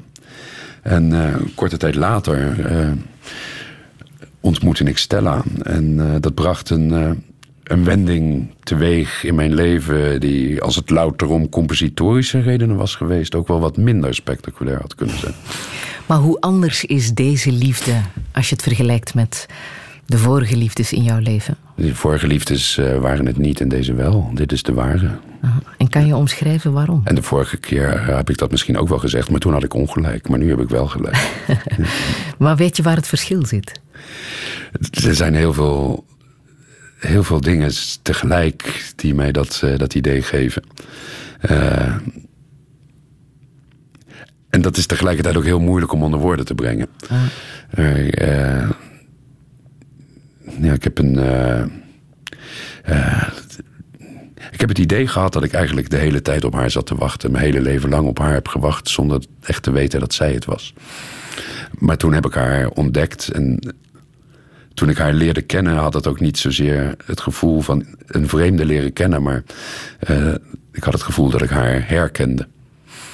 In jouw brieven komen we te weten dat eh, behoorlijk wat van jouw ex-geliefden na jou een lesbische relatie zijn aangegaan. Ja, ik, Hoe eh, komt dat? ik, dat heb ik mij ook afgevraagd. En Heeft dat met jou te maken? dat zou je haast gaan vermoeden. ja. ja, ik had het. eh, er zijn verschillende mogelijkheden natuurlijk. Ik kan het natuurlijk opvatten als een compliment. Dat eh, allerlei vrouwen bedenken eh, na mij, eh, nou ja, dat wordt nooit meer zo goed eh, met een andere man. Dus laten we het maar met de andere seksen proberen. Dat is misschien leuk om te zeggen, maar dat is ongetwijfeld niet waar. Je kan het op dezelfde manier ook interpreteren als eh, eh, helemaal geen compliment. Dat ze dachten van, nou ja, als het zo moet, dan nooit meer met een man. En dat is hopelijk ook niet waar. Nou, ik weet het niet. Ja. Mhm. Maar het zijn vriendschappen die over het algemeen ook echt zijn gebleven, hè? Met In ex-geliefden. sommige gevallen wel, in sommige niet. Ja, dat, eh, ik vind het verder. In het algemeen vind ik het niet per definitie noodzakelijk om eh, radicaal eh, te breken met iemand. Ik vind dat eigenlijk ook een beetje raar. Als je je leven hebt gedeeld voor een bepaalde periode met iemand die bijzonder was en waar je veel mee gemeenschappelijk had. Eh, dan is dat niet opeens afgelopen als die relatie om een bepaalde reden afgelopen is. En ik probeer altijd wel om dan een vriendschap in stand te houden. Alleen soms lukt het niet en soms lukt het wel. Is het verschil ook dat je nu pas voluit ja zegt en misschien ja durft te zeggen? Als je het vergelijkt met de vorige relaties? Ja, ik vind het bijna zelfs vervelend om het te vergelijken met vorige relaties. Ik vind dat bijna ook. Het, het is gewoon heel anders. Het is een heel ander gevoel. En eh, er is zeg maar. Niet voor niks in het brievenboek is het uiteindelijk. Ik, ik vertel er wel over, over mijn vorige relaties. Maar het is eigenlijk allemaal op één hoop geschept in één brief. eh, Waar ik dat allemaal tegelijk behandel. En met Stella, dat is niet een relatie zoals die andere. En daar gaan de laatste honderd pagina's over. Dat is een heel nieuw verhaal. Dat is een heel nieuw leven. Heeft het ook met ouder worden te maken? Misschien zelfs met een midlife-crisis? Nou, als het met een midlife crisis te maken had, dan is zij de oplossing daarvan. Ik denk wel dat er sprake was van een soort van crisis. Eh, en ik denk eigenlijk- wel dat, het, dat mijn leven heel erg een wending nodig had. En niet alleen vanwege het boek, niet alleen vanwege compositorische redenen. Dat was ook een van de confronterende dingen eh, van het schrijven van dit boek. Als je zelfonderzoek doet, eh, loop je het risico dat je dingen over jezelf ontdekt. Nou, dat ontdekte ik ook. Dat de laatste jaren mijn leven eigenlijk misschien wel een beetje een doodlopende weg was ingeslagen. Dat had niet zoveel met het werk te maken. Dat werk dat ging allemaal nog wel goed. Maar er was eigenlijk steeds minder leven buiten het werk. Ik leefde eigenlijk eh, eh, steeds meer uitsluitend op papier. En eh, verwaarloosde alles daarbuiten. En dat, dat moest wel veranderen. En toen ik Stella ontmoette, heeft dat mij heel erg geholpen om dat in te zien. En zij heeft mij ook heel erg geholpen. Do not go gentle into that good night. Old age should burn and rave at close of day. Rage, rage against the dying of the light. The wise men at their end know dark is right. Because their words had forked no lightning, they do not go gentle into that good night. Good men the last wave by, crying how bright their frail deeds might have danced in a green bay. Rage, rage against the dying of the light. Wild men who caught and sang the sun in flight, and learned too late they grieved it on its way. Do not go gentle into that good night. Grave men near death who see with blinding sight, blind eyes could blaze like meteors and be gay. Rage, rage against the dying of the light. And you, my father, there on the sad height, curse, bless me now with your fierce tears, I pray. Do not go gentle into that good night. Rage, rage against the dying of the light. Het gedicht Do Not Go Gentle Into That Good Night, gelezen door Dylan Thomas. Het klinkt als een lied. Ehm, Dylan Thomas is lange tijd jouw bondgenoot geweest, hè? Ilia Leonard Pfeiffer. In meer dan één opzicht. Eh, niet alleen als dichter, maar eh, hij was ook een groot voorbeeld voor mij als eh, een van de grootste drinkers van zijn generatie. Ja. Maar daar ben je mee gestopt. ja, Helemaal? ja. Ja, dat is nu iets korter dan een jaar geleden. En Te danken aan Stella. ja, dat, dat kunnen we wel zeggen. Dat had ik... eh, zonder haar had ik dat eh, nooit voor elkaar gekregen. Kan je zeggen hoe het komt dat zij er is in geslaagd om jou van de drank af te helpen? Ehm, het was. eh, ehm, omdat ik zo ontzettend eh, in haar geloof, eh, was het voor haar makkelijker dan het ooit geweest is voor iemand om mij ervan te overtuigen dat het misschien beter was. Eh, verder had het ook een concrete aanleiding. Ik, eh, ik had een ontsteking en moest toen eh antibiotica-kuur volgen. En iedereen weet dat, je dan, dat het beter is om tijdens een antibiotica-kuur geen alcohol te consumeren. Daar had ik me natuurlijk vroeger nooit iets van aangetrokken. Ik heb altijd glorieus dwars door elke kuur heen gezopen. Maar toen, omdat, het, ik met Stella was, hadden we bedacht dat het misschien wel goed was om ons daaraan te houden. Dat, nou, dat ik me eraan zou houden. Dus ik zou gedurende die kuur niet drinken. En eh, dat was wel zes dagen. Dat was een eeuwigheid. Ik dacht, dit is mijn grote offer. Mijn offer voor mijn eh, liefde voor Stella is dat ik het nu zes dagen ga volhouden om niet te drinken. En toen mijn eh, onnoemelijke offer was volbracht, herinnerde, herinnerde zij mij eraan dat er eh, op zich aan die kuur vanwege die ontsteking ook een dieet zat verbonden. En ook in dat dieet werd het gebruik van alcohol ontraden. Ik zei nog dat we dat natuurlijk meer als een vingerwijzing moesten zien. Als suggestie, maar dat dat niet zo letterlijk moest nemen. Maar zij vond dat dat wel heel letterlijk genomen moest worden. En dat dieet duurde 40 dagen. Toen dacht ik, ja, maar dat ga je toch niet menen? Je gaat niet menen dat ik nu 40 dagen niet ga drinken. En toen dacht ik tegelijkertijd, maar fuck, dat ga ik dan ook doen. Ook. Dan wordt dat mijn grote offer voor jou. Ik ga 40 dagen niet drinken. En tijdens die 40 dagen, eh, heb ik ook aanvankelijk heb ik net gedaan alsof het heel makkelijk was. Ik heb een beetje voor haar verborgen. Het was natuurlijk helemaal niet makkelijk. Ik vond het echt ontzettend moeilijk. Maar ik heb dat een beetje voor haar verborgen gehouden. Want ik dacht, ja, ik moet straks als die 40 dagen voorbij zijn... moet ik haar toch er weer van overtuigen... dat ik weer zo langzamerhand opnieuw kan beginnen te drinken. Dus als ik nou laat zien dat het... Eh, dat stoppen voor mij heel makkelijk is. Dat ik helemaal niet verslaafd ben. Dat het, kan ik daarna wel weer eh, rustig een glaasje drinken af en toe. Maar dat ging natuurlijk niet zo. En eh, uiteindelijk eh, besefte ik dat het voor haar eigenlijk de enige denkbare optie was dat ik eh, eigenlijk nooit meer zou drinken. En dat vond ik wel echt heel moeilijk. Maar tegelijkertijd was het ook heel makkelijk, want het was een heel simpele keuze. Als ik bij haar wilde blijven, moest ik stoppen met drinken. En als ik verder wilde drinken, dan zou ik haar laten gaan voor de drank. Ja, dan zou ik pas echt een loser zijn. Wat voor Grieken en de? Trojanen hebben tien jaar oorlog gevoerd om zo'n vrouw. En dan zou ik haar laten gaan vanwege de drank, weet je. Dus dat was aanvankelijk heel makkelijk. Maar ik ben dus aanvankelijk gestopt vanwege haar. En pas langzamerhand, maar daar had ik wel echt een beetje tijd voor nodig... eh, begon ik te beseffen dat ze eigenlijk gelijk had. En dat het heel erg nodig was om, eh, om, om eh, een drastische omslag te maken in mijn consumptiepatroon. Wat voor drinker was je?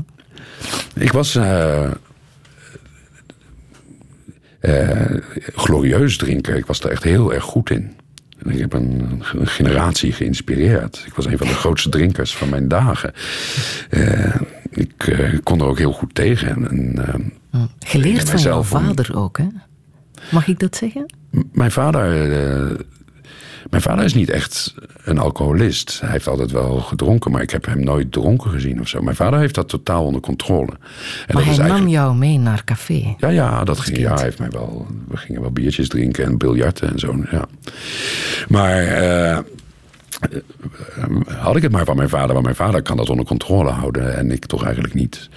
En het werd eigenlijk steeds meer. En, eh, eh, Ben je erachter waarom je dronk? Ja, het is. Het is een vorm van. eh, een vorm van escapisme. Een vorm van. eh, me terugtrekken uit de realiteit. Of de realiteit niet ten volle accepteren. Maar tegelijkertijd werd het ook. Ik, ik vroeg me dat ook helemaal niet af waarom ik dronk. Want dat was nou eenmaal wat ik deed. Ik was er ook echt trots op. Ik was een bohemien. Het was dus onderdeel van mijn imago. Ik, was, ik had zelfs visitekaartjes laten drukken. Met eh, dichter en drinker. Ik was er echt trots op. Ja. Was het daarom dat je dronk? Omdat het jou een identiteit gaf? Eh, nou ja, dat, dat merkte ik toen ik daarmee stopte. Merkte ik dat ik daar ook heel erg veel problemen mee had. Dat ik, ik was opeens mijn identiteit kwijt. Dat dacht je. Nou, dat, dat was ook zo. Ik voelde dat zo. En ik, ik, was, ik wist eigenlijk niet precies hoe dat moest, niet drinken. En eh, ik, ik wilde ook eigenlijk, ik schaamde, schaamde me ervoor om niet te drinken. En ik wilde eigenlijk liever dat de mensen mij niet zo zagen. Met een iced tea of dat je een je, cola. ja, dat je je schaamt. Omdat ik schaamde mij ervoor, ja. Drinkt. Er waren af en toe. eh, het gebeurt me wel eens dat er eh, toeristen naar Genua komen. eh, Nederlandse of eh, Belgische toeristen die La Superba hebben gelezen. En dan de stad met eigen ogen willen aanschouwen. En die treffen mij dan aan op het pleintje soms. En dat vind ik altijd heel leuk. En als dat enigszins mogelijk is, dan probeer ik ook wel een beetje de tijd voor hen te nemen. Maar toen ik gestopt was met drinken, wilde ik me eigenlijk verstoppen. Want ik wilde niet. Die, die bohemien die ze zochten, die bestond niet meer. Dat, ik wilde niet zo gezien worden. Je ziet er wel nog altijd een beetje bohemien uit. De lange haren, Maar ik ben wel afgevallen. die blijven. ja, de lange haren blijven. Ik kan me nog herinneren, op, op een gegeven moment... eh, we gingen ook een, een, een leverarts raadplegen. Dat was eigenlijk, eigenlijk was dat stiekem mijn laatste strohalm. Want ik dacht, ik, ik wist dat ik gezond was. En als die leverarts, die hepatoloog, nou zou zeggen... dat ik helemaal gezond was dan, en Stella was daarbij... dan kon ik misschien weer iets drinken. Maar hij, ik was helemaal gezond, maar hij zei iets heel anders. Hij zei dat ik nooit meer moest drinken. En toen besefte ik eigenlijk, ja, het viel eigenlijk. Het gevoel dat ik had op dat moment was dat ik was veroordeeld tot levenslang. En toen gingen we met de bus terug naar het centrum. En toen eh, we aankwamen bij Piazza dei Ferrari, Piazza Matteotti. Om een of andere reden hing de Genuese vlag op eh, Palazzo Ducale half stok. En ik wist niet waarom. Dus ik vroeg aan Stella waarom hangt de vlag half stok. En toen zei zij. eh, omdat Genua zojuist een van haar grootste drinkers heeft verloren. Dat raakte me. Dat vond ik echt, ja. Dat, dat, daar daar moest ik bijna van huilen. Dat, ik, dat, dat was ik. Ik was een van de grootste drinkers. Dat, zozeer was dat mijn identiteit geworden. Ze zei ook, het is een probleem dat wij een heel leven lang zullen hebben. Ja, Dat raakt jou ook, hè? dat raakte me heel erg. En vooral ook omdat ze, dat benadruk je terecht, de wij-vorm gebruikte. Dat, Mhm. toen zij dat zei, hoorde ik in eerste instantie vooral dat. Dat ze het had in de eerste persoon meervoud over ons probleem. En dat vond ik heel erg ontroerend en mooi en prettig. Dus ik hoorde even niet zo heel goed dat ze het had over een probleem van het hele leven. Heb je iemand nodig om van zo'n verslaving af te geraken? Ik wel, ik had het niet alleen gekund. Nee. Ik, had ook niet, eh, ik was ook niet alleen op het idee gekomen. Ik ben natuurlijk eh, veel te slim en veel te intelligent om allerlei drogredenen voor mezelf te verzinnen waarom het heel erg goed van mij was dat ik zoveel dronk. Daar was ik heel goed in. En eh, eh, ik zou mezelf. eh, ik zou een debat van mezelf niet hebben gewonnen in die tijd. En daar was ik echt veel te, veel te handig in. Heb je afkikverschijnselen? Lichamelijk had ik helemaal niks. Dat was wel vrij uitzonderlijk, want ik dronk wel echt veel. Dat had op zich wel te verwachten geweest kunnen zijn. Maar eh, psychologisch was het wel lastig. Ja. En, eh, ik kan me ook herinneren dat. eh, een ander ding wat Stella toen zei was. dat ze op een gegeven moment zei dat ze het heel erg knap van mij vond.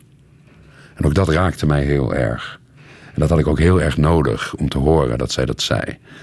Dat, dat ervoer ik als grote steun dat zij het knap van mij vond. Maar tegelijkertijd besefte ik dat het feit dat zij het knap van mij vond en dat het ook echt knap van mij was, betekende eigenlijk dat ik een probleem had. Maar dat hoort helemaal niet knap te zijn om niet te drinken. Maar dat was het wel. En eh, Ga je het volhouden? ja, Zie. zie. Ja. Want ehm, je schrijft ook, eh, slechts de namen van de grote drinkers leven voort. Dat is een citaat van uh, Rikus Wakowski. Ja. En er zijn er wel wat geweest, hè? In schrijven, schrijvende, Ja, ja, ja. in schrijversmiddes. Ja. Hm. Daar heb je geen schrik voor, dat het daarvan zal afhangen of je al dan niet voortleeft. Nou, maar dat maakte weer uit van die, die deel uit van die identiteit. Ik hoorde daarbij bij Dylan Thomas. Je hebt terecht eh, een gedicht van hem laten horen. eh. En al die andere dichters die ik, ik, heb daar ook een, een, eh, in het boek een soort van bijna een soort van bloemlezing van uitspraken over drank. Prachtige uitspraken zijn Prachtige wel, uitspraken. Ja, dat zijn altijd mijn helden geweest. En niet alleen vanwege hun literaire capaciteiten, maar eh, ook als eh, broeders, bondgenoten in de heilige strijd van de nacht tegen de zinloosheid. En bloedbroeders in de drank. Ja, en ik heb ze verraden. Zo voelt het wel. Hè? Ik heb Dylan Thomas verraden. Mi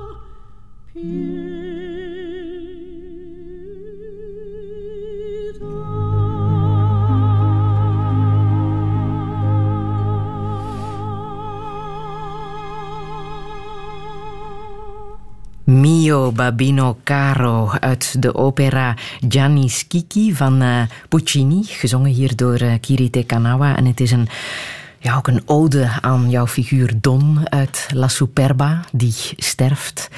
Ehm, maar die op een echte eh, die in het echt op een andere manier is gestorven. Hè. Dat beschrijf je in eh, de brieven uit Genua. Heel wat triester, heel wat harder. Ja, in, eh, in mijn roman La Superba komt hij voor als personage.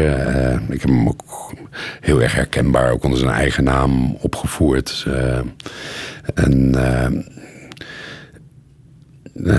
uiteindelijk heb ik voor mijn roman zijn dood verzonnen.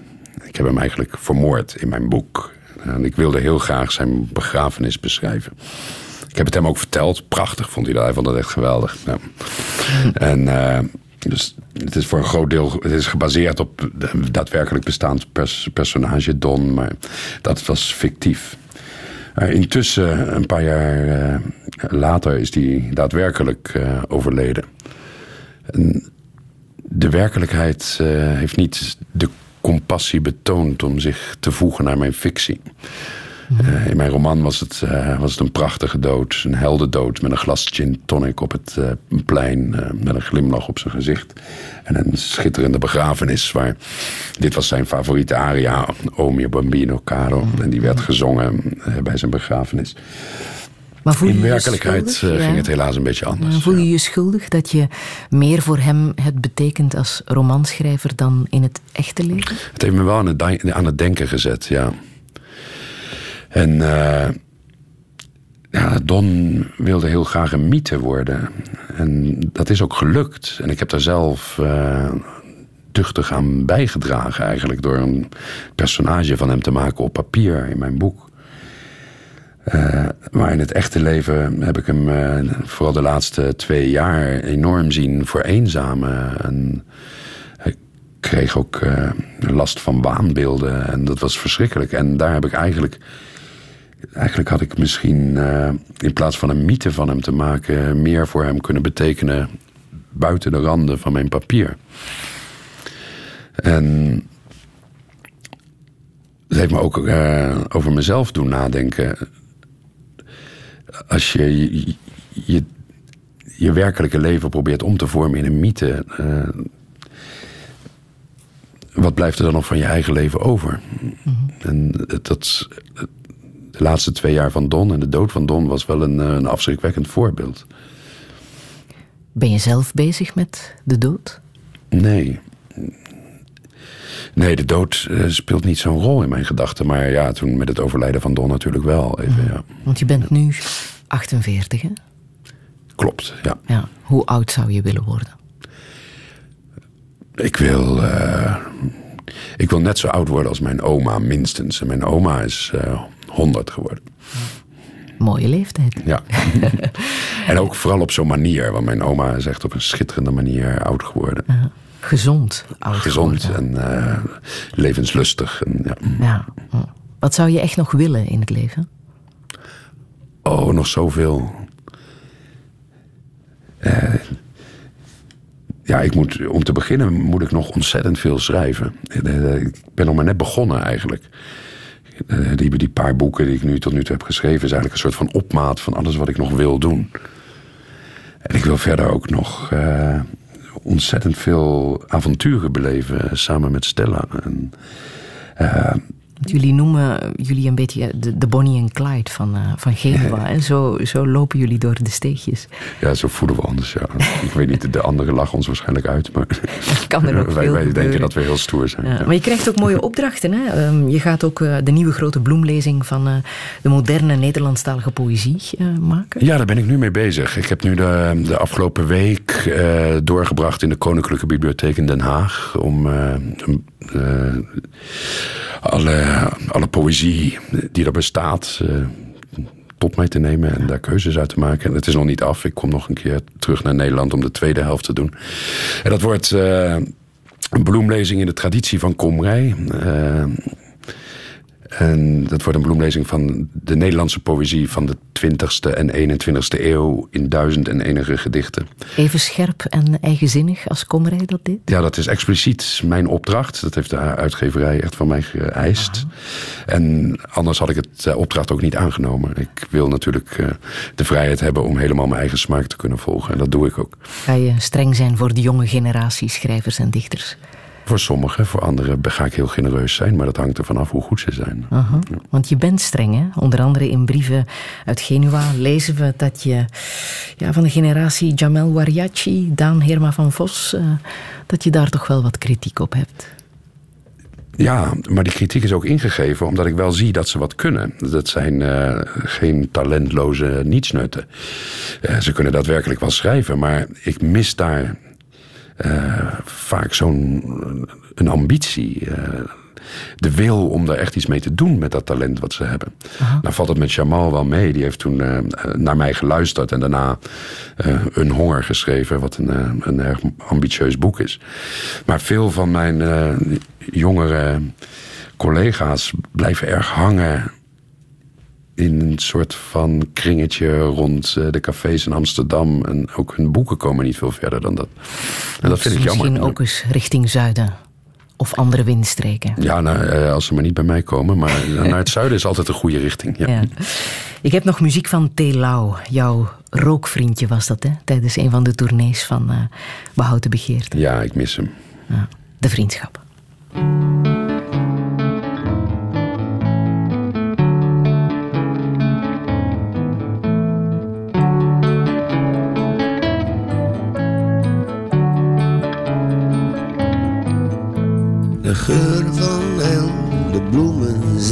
Vergeet je.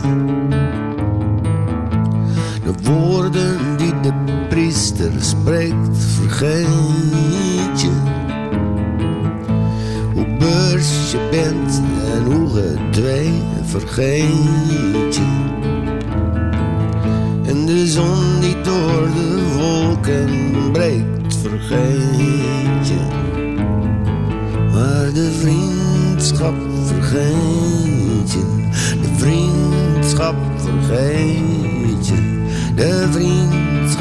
vergeet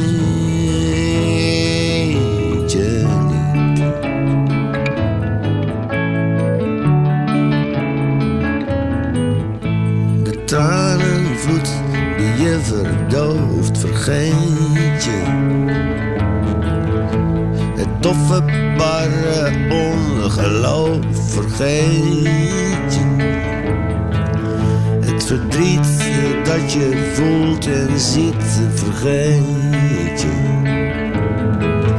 En de aard van God die geeft en rooft vergeet. En de dunne zon vergeet. De vriendschap vergeet je. De vriendschap vergeet je. De vriendschap vergeet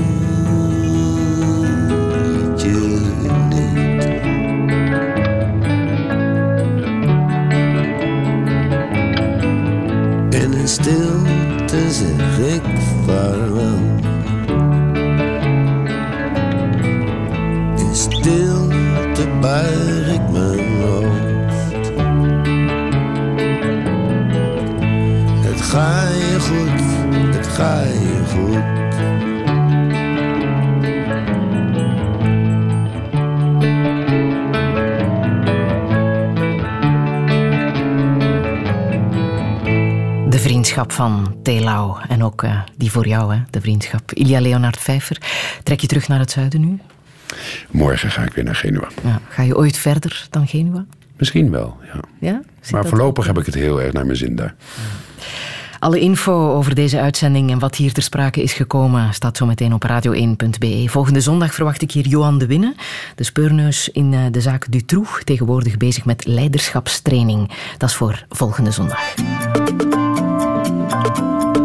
Radio 1.